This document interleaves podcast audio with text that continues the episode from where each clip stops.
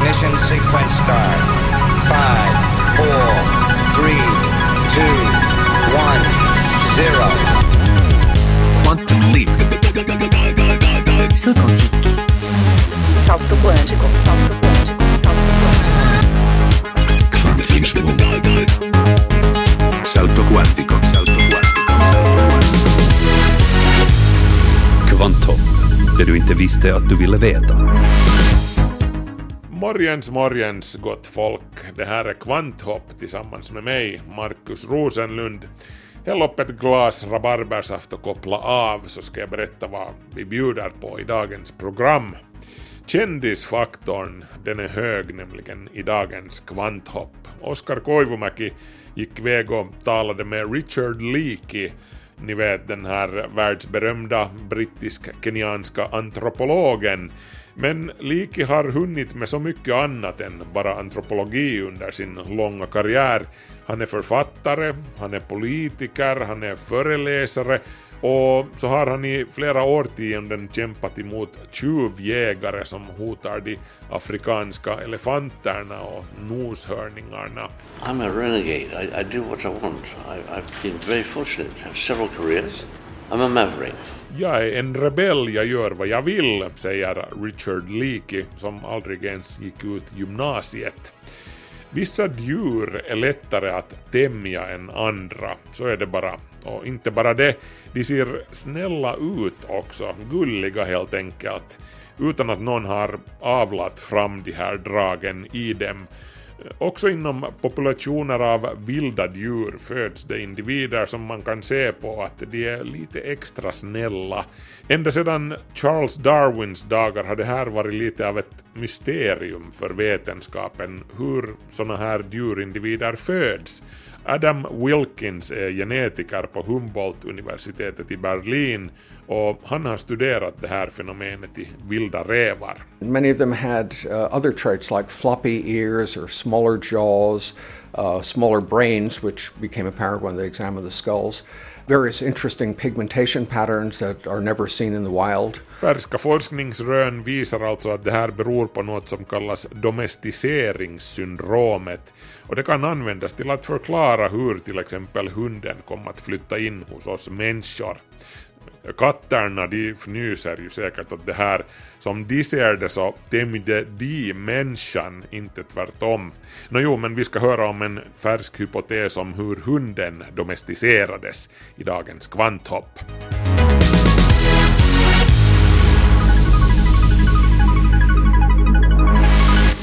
Och nu blir det notiser.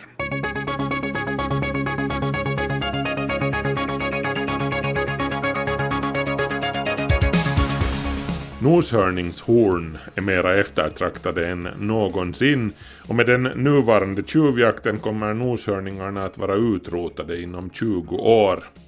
Noshörningshorn är dyrare än både guld och kokain i gatuhandeln.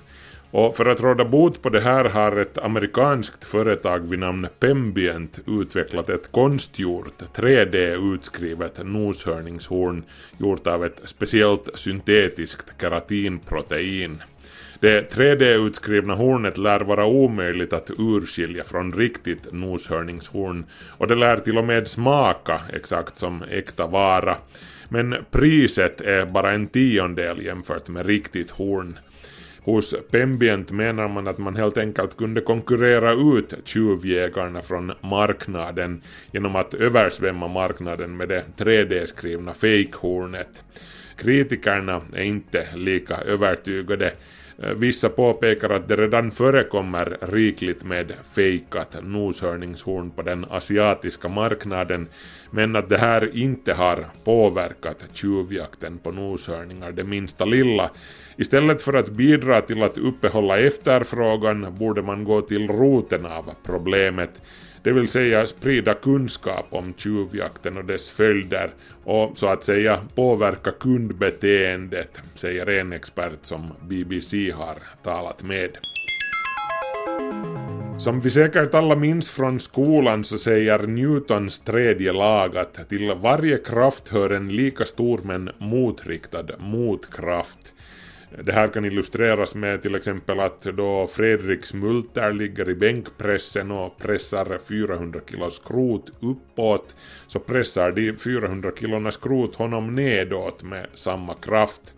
Eller tänk på ett jetplan. För att det ska kunna accelerera framåt så måste det skjuta förbränningsgaser bakåt med samma kraft.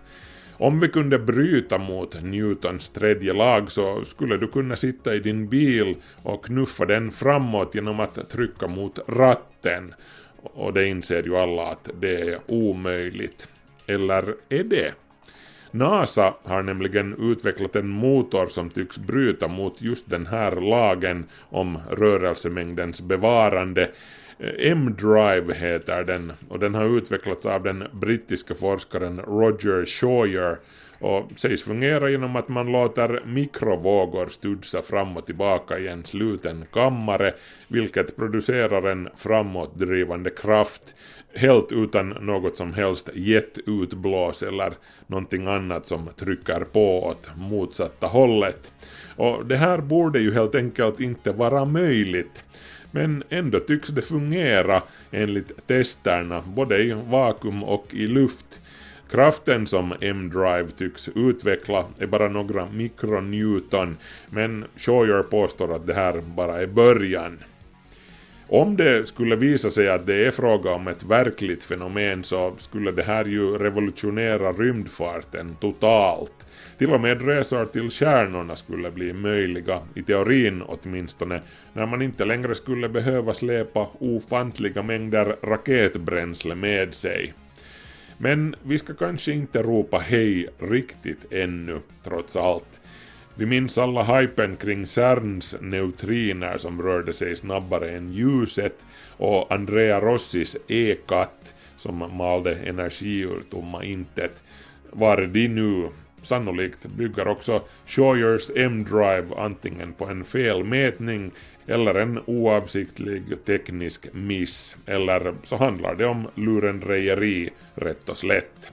Men vi får lov att återkomma, man vet ju aldrig.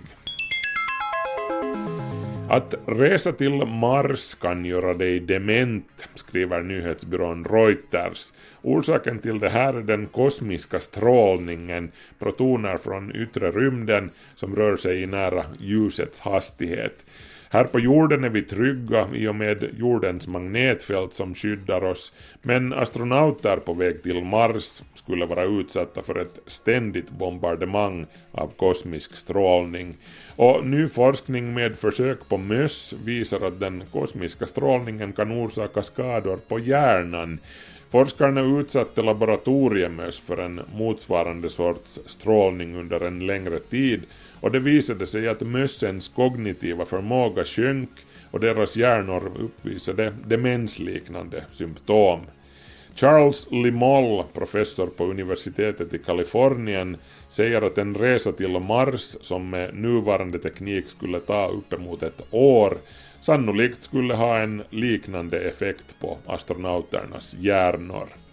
Det finns sätt att dämpa den kosmiska strålningen i en rymdfarkost men helt och hållet kan man inte skydda sig för den om man vill bli rymdresenär.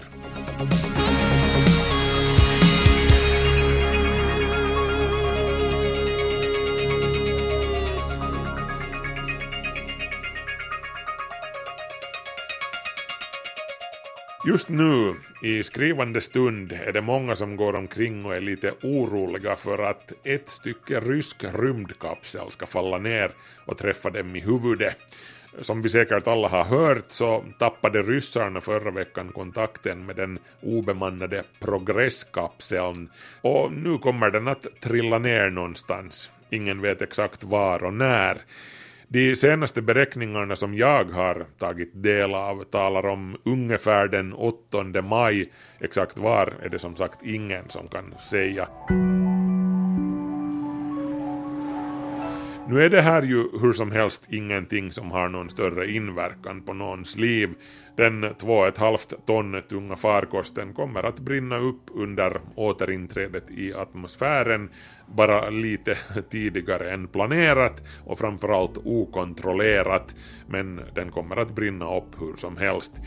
Normalt skulle det ske någonstans över södra Stilla havet, där det inte finns någon som kan komma till skada om någon del av den skulle klara sig ända ner till jordytan. Och helt osannolikt är det alltså inte att det ska falla ner delar i bebodda trakter, men hur sannolikt är det då att just du ska bli träffad av ett stycke rymdskrot jämfört med till exempel att du ska vinna huvudvinsten på Lotto? Nå, om vi börjar med Lotto. Antalet möjliga lottorader är 15 380 937. Sannolikheten för att just din rad ska vinna är alltså en på 15 380 937. Ingen skillnad vilka dina siffror är, alla rader är precis lika sannolika. Eh, sannolikheten för att bli träffad av fallande rymdskrot då? Nå, det är sådär en på biljonen. En biljon är en etta följd av 12 nollor, så det är ett ganska stort tal. En på en miljon miljoner, det är alltså oddsen för att just du ska bli träffad av fallande rymdskrot. Sannolikheten för att någon, vem som helst, ska bli träffad av fallande rymdskrot är däremot betydligt högre. Enligt NASA är den cirka en på 10 000. Men sannolikheten för att den här personen är just du är alltså en på en miljon miljoner. Så vi kan säga att det är lugnt. Nå, vilken är då sannolikheten för att du ska bli träffad om du går omkring med en t-shirt med texten “Jag kommer aldrig att bli träffad av fallande rymdskrot” eller en t-shirt med en måltavla på och texten “Jag kommer att bli träffad för det stod i mitt horoskop” Nå, fortfarande är risken en på en miljon miljoner i bägge fallen. Fru Fortuna är som vi vet blind, hon kan inte läsa din t-shirt. Eh, just därför är lottoraden 1, 2, 3, 4, 5, 6 och 7 eller vilken som helst annan precis lika sannolik som den med barnens och farbror Görans födelsedagar i, eller som sagt vilken som helst annan av de 15 miljoner raderna. Och folk vinner ju bevisligen huvudvinsten på Lotto. Har någon då vunnit huvudvinsten på fallande raketlotteriet, det vill säga har någon blivit träffad av en bit rymdskrot? Ja, no, så vitt jag vet så finns det bara en människa i världshistorien som har blivit träffad av en fallande raketdel. Det skedde 1997 i Tulsa, Oklahoma och den som träffades hette Lottie Williams. Hon träffades i axeln av en bit finmaskigt metallnät från en utbränd Delta 2-raket. Hon blev inte skadad. Däremot blev hon en kändis, åtminstone temporärt. Så jo, risken existerar för att en bit rymdskrot ska falla ner och träffa dig, men den risken är som sagt mycket, mycket mindre än att du ska vinna 7 på Lotto.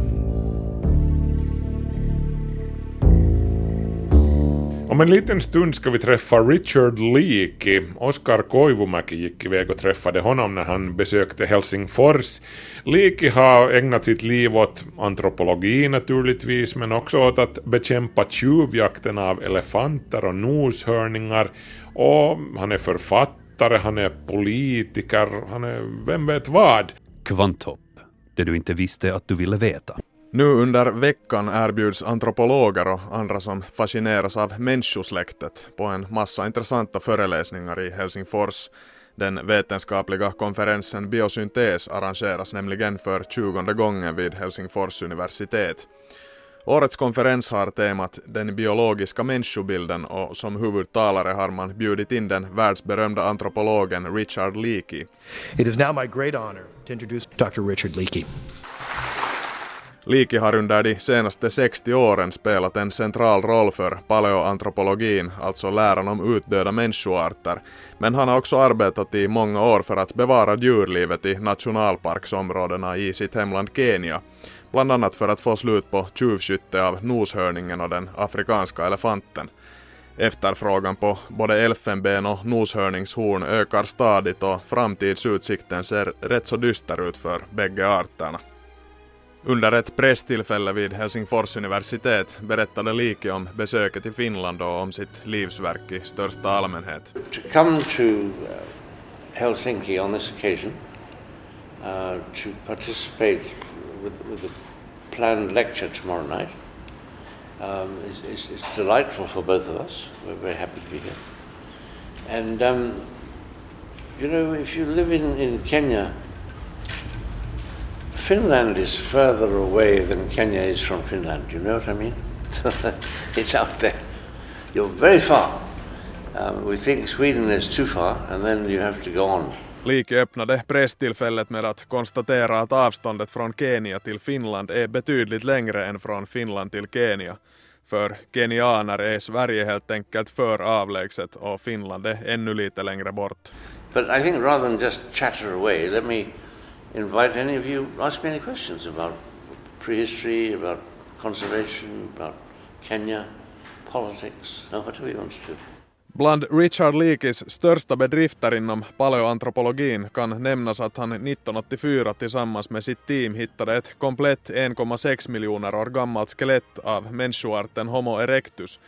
Fyndet gjordes vid flodbädden Turkana i nordvästra Kenya och fick namnet Turkana-pojken. I had gone out for the day with Alan Walker, a colleague of mine, to look for a new campsite about 30 kilometers further south.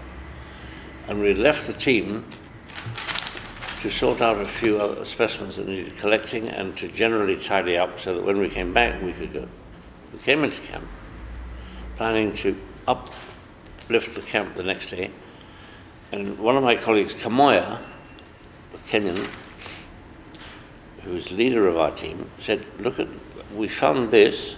He said, It's just a fragment of skull, no bigger than that. Liki berättar att han tillsammans med sitt team hade utforskat ett landområde väster om Turkanasjön och var precis igång med att flytta lägret 30 kilometer söderut när hans kollega Kamoja berättade att de hade hittat ett skallfragment stort som en tumme. He said, I, I didn't see any more pieces, and what, what should we do? Because you want to leave tomorrow. And I said, Well, we can't leave tomorrow because we must just check there's no more. But usually you check. The screening operation, it takes a few days finished.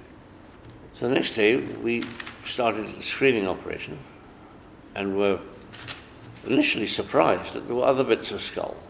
But sometimes a skull will break up and you find a skull. But you very rarely find more than a skull. Richard Leakes team av antropologer beslöt att skjuta upp förflyttningen helt enkelt för att leta efter flera delar av fossilet som uppenbarligen tillhörde någon form av fornmänniska.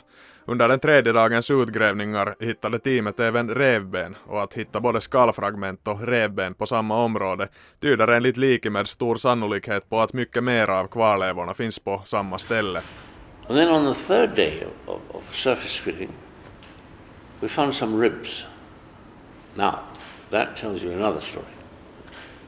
Because if you got bits of a skull and bits of the ribs, then presumably much more of the body was there. And so this short term screening operation turned into a full blown uh, recovery operation. And in a period of six weeks, Gruppen stannade slutligen kvar på området väster om Turkanasjön i hela sex veckor och hittade varenda dag nya delar av Turkanapojken. Det som till en början skulle vara ett rutinmässigt utskrap blev slutligen en fullskalig, nästintill sagolik utgrävning av ett komplett människofossil. At the threshold of humanity, one ancestor contains tantalizing secrets. It is known as Homo erectus.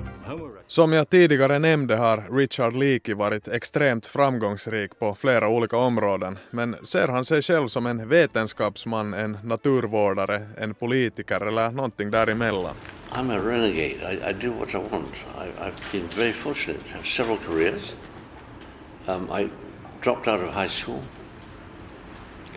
So when I shift from paleoanthropology to conservation and from conservation to politics, I'm not giving up years and years of training. You know, I'm just moving on.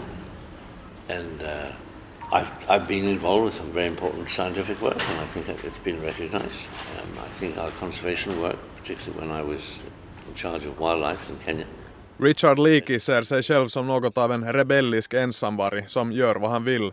Han säger sig vara lyckligt lottad då han fått vara involverad i viktigt antropologiskt arbete, i arbete för djurlivet i Kenya och inom politiken med att arbeta för ett mer demokratiskt och öppet samhälle mot en regering som på den tiden mer eller mindre var diktatorisk. um, things like that. So I, I've really enjoyed all of those. I'm a maverick.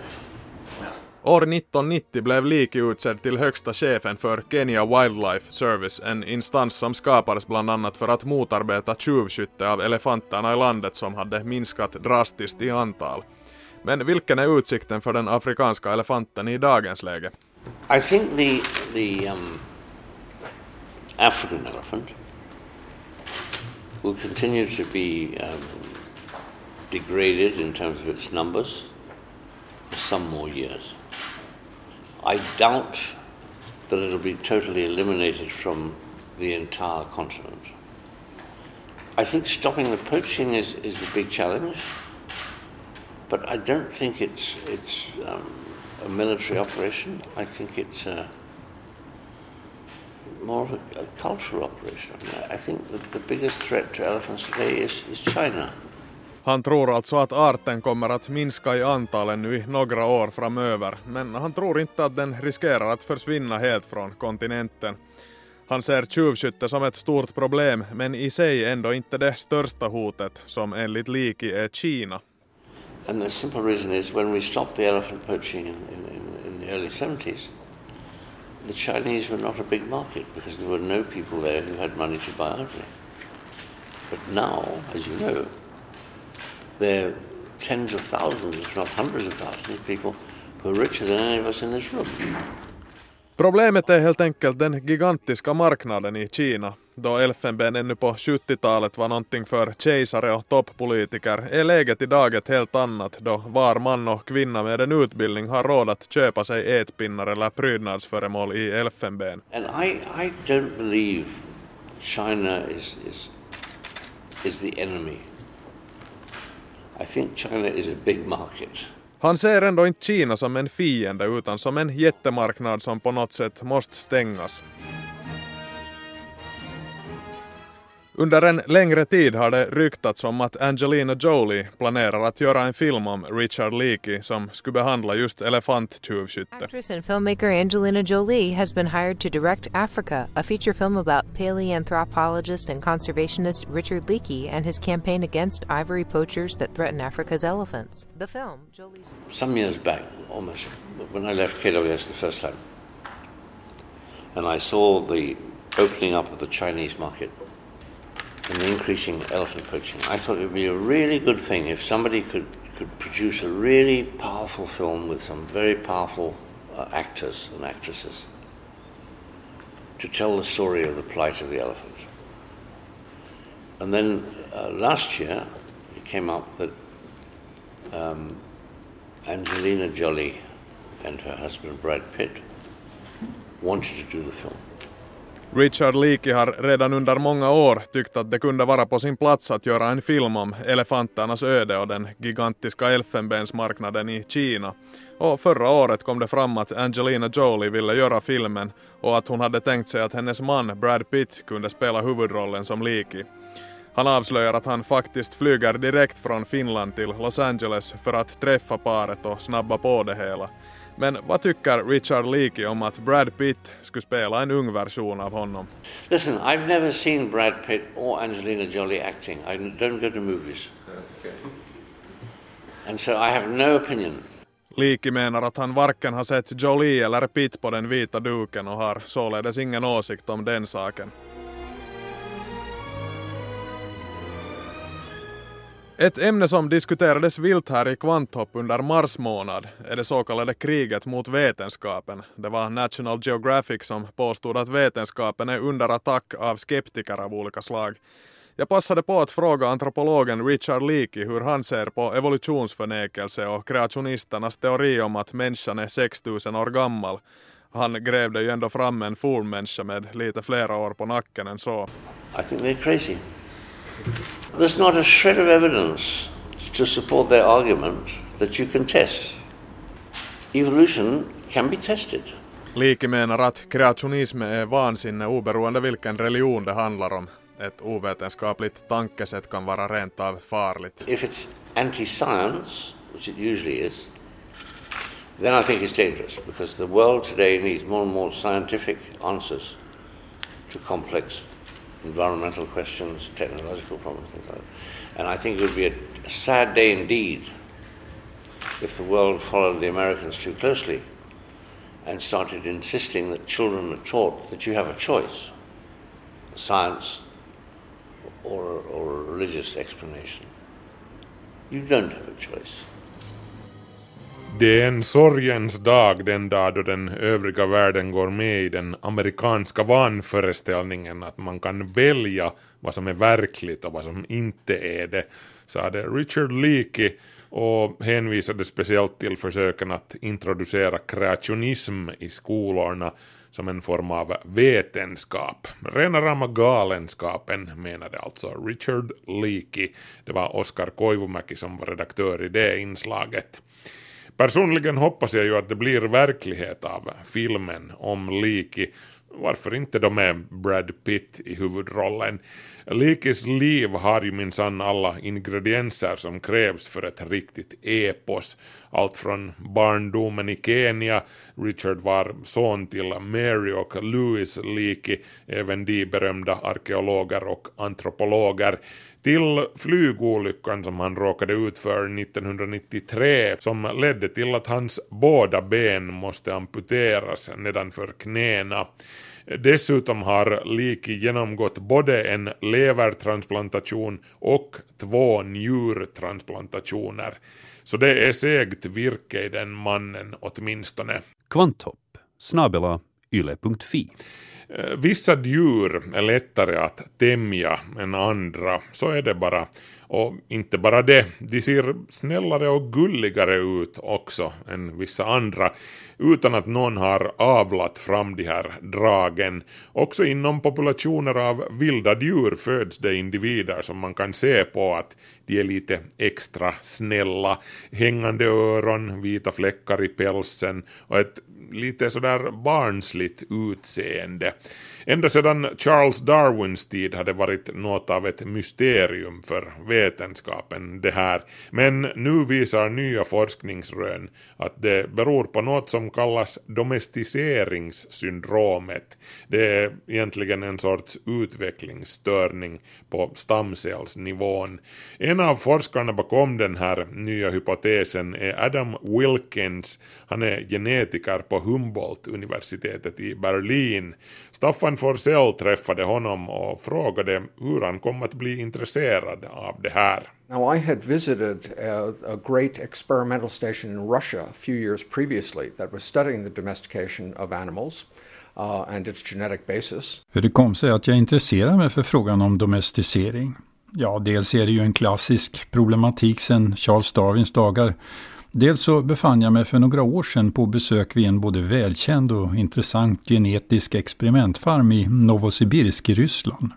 Dess verksamhet hade startats 1959 av en karl som hette Dmitrij Beljajev. Och vad han och hans efterföljare ville veta det var om man på relativt kort tid, det har ju tagit människan tusentals år att avla fram tamdjur, om man på kort tid kunde förvandla ett vilt djur till ett tamt. De valde räv. And what they did, starting about 50 years ago or 55 years ago, was a program to see if they could breed uh, highly tame, docile foxes. Uh, and foxes had never been tamed before. How many generations are we talking about? By 50 generations, uh, they had foxes that they call elite domesticated foxes. De valde alltså räv, ett djur som aldrig tidigare tämts. Valparna testades två gånger i månaden. Med den ena handen gav man dem mat, med den andra försökte man smeka dem. Och så här höll man på tills rävarna blev könsmogna vid 7-8 månaders ålder. De som då bet handen med mat eller flydde undan då man försökte att smeka dem hamnade i klass 3. De som åt och tillät smekningar men inte visade något större intresse för människor hamnade i klass 2. De valpar som visade sig vänliga, vifta med svansen, hamnade i klass 1. Men man skapade också en extra klass, en elitklass, 1E, för rävungar som dessutom slickade människan, gnydde för att få uppmärksamhet. Och efter 55 års avel på dessa eliträvar så har man nu fått fram en rävart som uppträder idealiskt, som en tamhund. Och fortsätter Adam Wilkins, i det här sammanhanget så börjar jag läsa vad Charles Darwin skrivit, inte minst om duvor och hundar. Så mycket att förläggaren av Darwins klassiska bok om arternas uppkomst försökte få honom att arbeta om den till hur man borde avla fram duvor. Genetik var ju okänt på Darwins tid. Han läste heller aldrig vad Mendel hade skrivit. Så Darwin lyckades aldrig att förklara ärftlighet eller att lansera någon ärftlighetsteori. Men under alla sina resor bland och alla sina samtal med uppfödare så upptäckte Charles Darwin att alla framavlade djur hade en rad gemensamma drag. Det viktigaste det var naturligtvis att djuren var tama, att de inte attackerade människor eller lät sig skrämmas bort av dem. Men vid sidan av det såg Darwin också att de framavlade djuren ofta hade hängande öron, intressanta färgteckningar som inte fanns i det vilda, ändrade parningscykler, mindre hjärnor och, påpekar Adam Wilkins, samma drag kunde jag iaktta på de elitrevar som framavlats i Ryssland. All of the domesticated animals that um, the breeders told him about and that he could see with his own eyes tended to have a set of similar traits that had not been deliberately bred for. So these animals had been bred for, uh, first of all, tameness. Uh, you know, if you're working with animals, they need to be tame. You don't want to be attacked all the time, or you don't want to frighten them away. Um, but in addition, many of them had uh, other traits like floppy ears or smaller jaws, uh, smaller brains, which became apparent when they examined the skulls, various interesting pigmentation patterns that are never seen in the wild. um, and, and a few other traits. Oh, altered sexual cycles. The females have more frequent estrus periods. Vad jag och mina kollegor nu för första gången föreslår det är att alla dessa gemensamma drag hos framavlade domesticerade arter, det rör sig om 15-20 stycken, alla går att genetiskt förklara genom ett närmare studium av en viss typ av embryonala stamceller, den så kallade neurallisten som ligger längs fostrets ryggrad. Därifrån vandrar cellerna ut i kroppen. Om vår teori har testats? Nej, inte än. Men jag tror att om 5-10 år så vet vi besked. We realized that we could explain most of the traits of, at least provisionally, uh, we could explain most of the traits of the domestication syndrome uh, if uh, they're uh, if the syndrome somehow involved fewer neural crest cells being involved. If there's a slight diminution of neural crest cells, you could explain uh, a lot of these traits. Has it been tested? We uh, outlined several possible tests. Um, most of them, as far as I know, have not been done, uh, but uh, we certainly expect to work on it more. Whether we will jointly do a book at some point, I don't know, but we all like to write and we're all very interested in the subject. Uh, and we work well together. Uh, you know, we're a compatible group of three. Hypotesen om domesticeringssyndromet ska nu testas närmare och inom 5 till 10 år tror alltså Adam Wilkins att vi har en heltäckande teori om saken. Han ska själv ägna sig åt det här och det finns planer på en bok på temat. Staffan Forsell var det som hade intervjuat Adam Wilkins som alltså är genetiker vid Humboldt-institutet i Berlin.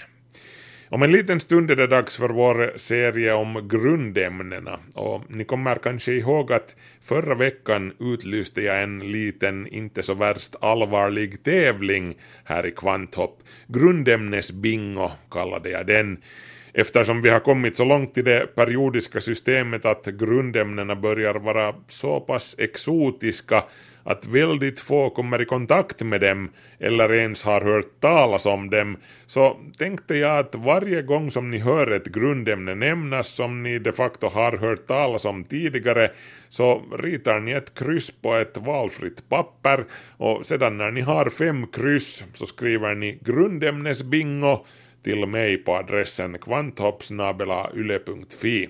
Den första som hojtar till ska få ett litet pris. Kvanthopp presenterar en serie i 117 delar. Det som allt bygger på, eller våra grundämnen från BT till Unuoctium.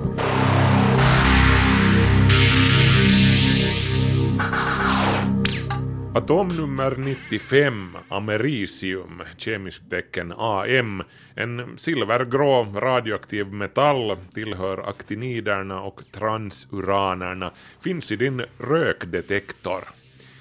Liksom alla andra grundämnen så här långt nere i det periodiska systemet är americium ett syntetiskt grundämne, det vill säga ett som inte finns i naturen utan som måste tillverkas i laboratoriet eller i en kärnreaktor. Americium tillverkas genom att man bombarderar plutonium-239 med neutroner, vilket skapar plutonium-241. När plutonium-241 sedan sönderfaller, då skapas americium-241. Samtliga isotoper av americium är radioaktiva. Den mest långlivade isotopen, americium-243, har en halveringstid på 7370 år. Den isotop som används i rökdetektorer, americium-241, har en halveringstid på 432 år. En typisk rökdetektor innehåller ungefär 150 milligram americiumdioxid som sönderfaller och ger ifrån sig alfastrålning. Alfastrålning är inte farlig så länge man inte får själva strålkällan in i sig. Alfastrålning består i praktiken av heliumatomkärnor och de är så stora att de inte ens tränger genom vanligt papper, för att inte tala om hud. Så länge du inte petar ut americiumet ur rökdetektorn och äter upp det så är du trygg, om vi säger så. En rökdetektor fungerar hur som helst som så att alfastrålningen från americiumet joniserar luften, vilket skapar en svag elektrisk ström mellan elektroderna i rökdetektorn. När det kommer rök mellan elektroderna då försvagas den här strömmen och rökdetektorn känner av det och börjar pipa. Americium upptäcktes, det vill säga framställdes, första gången 1944 vid universitetet i Chicago av Glenn Seaborg och hans team i samband med det så kallade Manhattan-projektet som gick ut på att tillverka den första atombomben. Samtidigt upptäcktes också följande grundämne i tabellen, curium. Det dröjde ett år innan Seaborg publicerade upptäckten för att inte tyskarna skulle få nys om saken. De jobbade också med att utveckla en atombomb vid den här tiden. Americium är hur som helst inte värst praktiskt som material för en atombomb. Det krävs så pass stora mängder av det för att uppnå kritisk massa, betydligt mer än till exempel plutonium. Men sedan när Seaborg berättade om sin upptäckt 1945 så gjorde han det i ett barnprogram på radion kallat Quiz Kids. Det var väl inga av Hitlers vetenskapsmän som lyssnade då längre. Det är ju rätt uppenbart varifrån americium har fått sitt namn. Orsaken var inte att Seaborg var amerikan, eller nåja, det gjorde knappast saken sämre, men namnet valdes främst på grund av att grundämnet ovanför americium i tabellen heter europium. Så man tänkte att vi fortsätter på det här kontinenttemat. Americium utnyttjas också i olika mätinstrument som används då oljebolagen letar efter nya oljefyndigheter och så används det också som bas då man skapar de ännu tyngre grundämnena i det periodiska systemet. Americium kan utgöra en miljörisk i och med att det hamnar på soptippen med uttjänta rökdetektorer och på så vis kan det komma ut i grundvattnet. 1994 var det en amerikansk scout vid namn David Hahn, The Radioactive Boy Scout, den radioaktiva scouten som han blev kallad i pressen, som försökte bygga en egen kärnreaktor i sin mammas källare, bland annat med hjälp av americium från rökdetektorer som han köpte eller stal. Men han kom aldrig ens nära att få ihop den mängd som krävs för kritisk massa.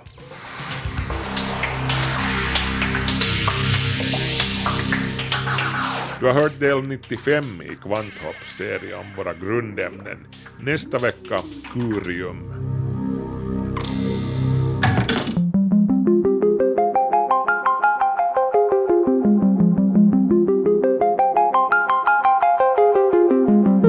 Kvanthopp, det du inte visste att du ville veta. Så var det med den saken hörni. Jag kan ju nu nämna att Gizmodo.com skriver om en nyuppfunnen smart papperskorg vid namn Genie Can som läser av streckkoderna på alla tomma förpackningar som du kastar i den och sedan skickar den ett mail åt dig med en inköpslista med motsvarande produkter eller rent av beställer den nya helt själv via webben.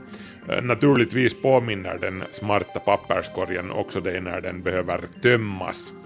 Och med det sätter vi punkt för Kvanthopp för den här veckan, men vi finns ju på Facebook och på arenan. Markus Rosenlund så heter jag, på återhörande. Hej så länge!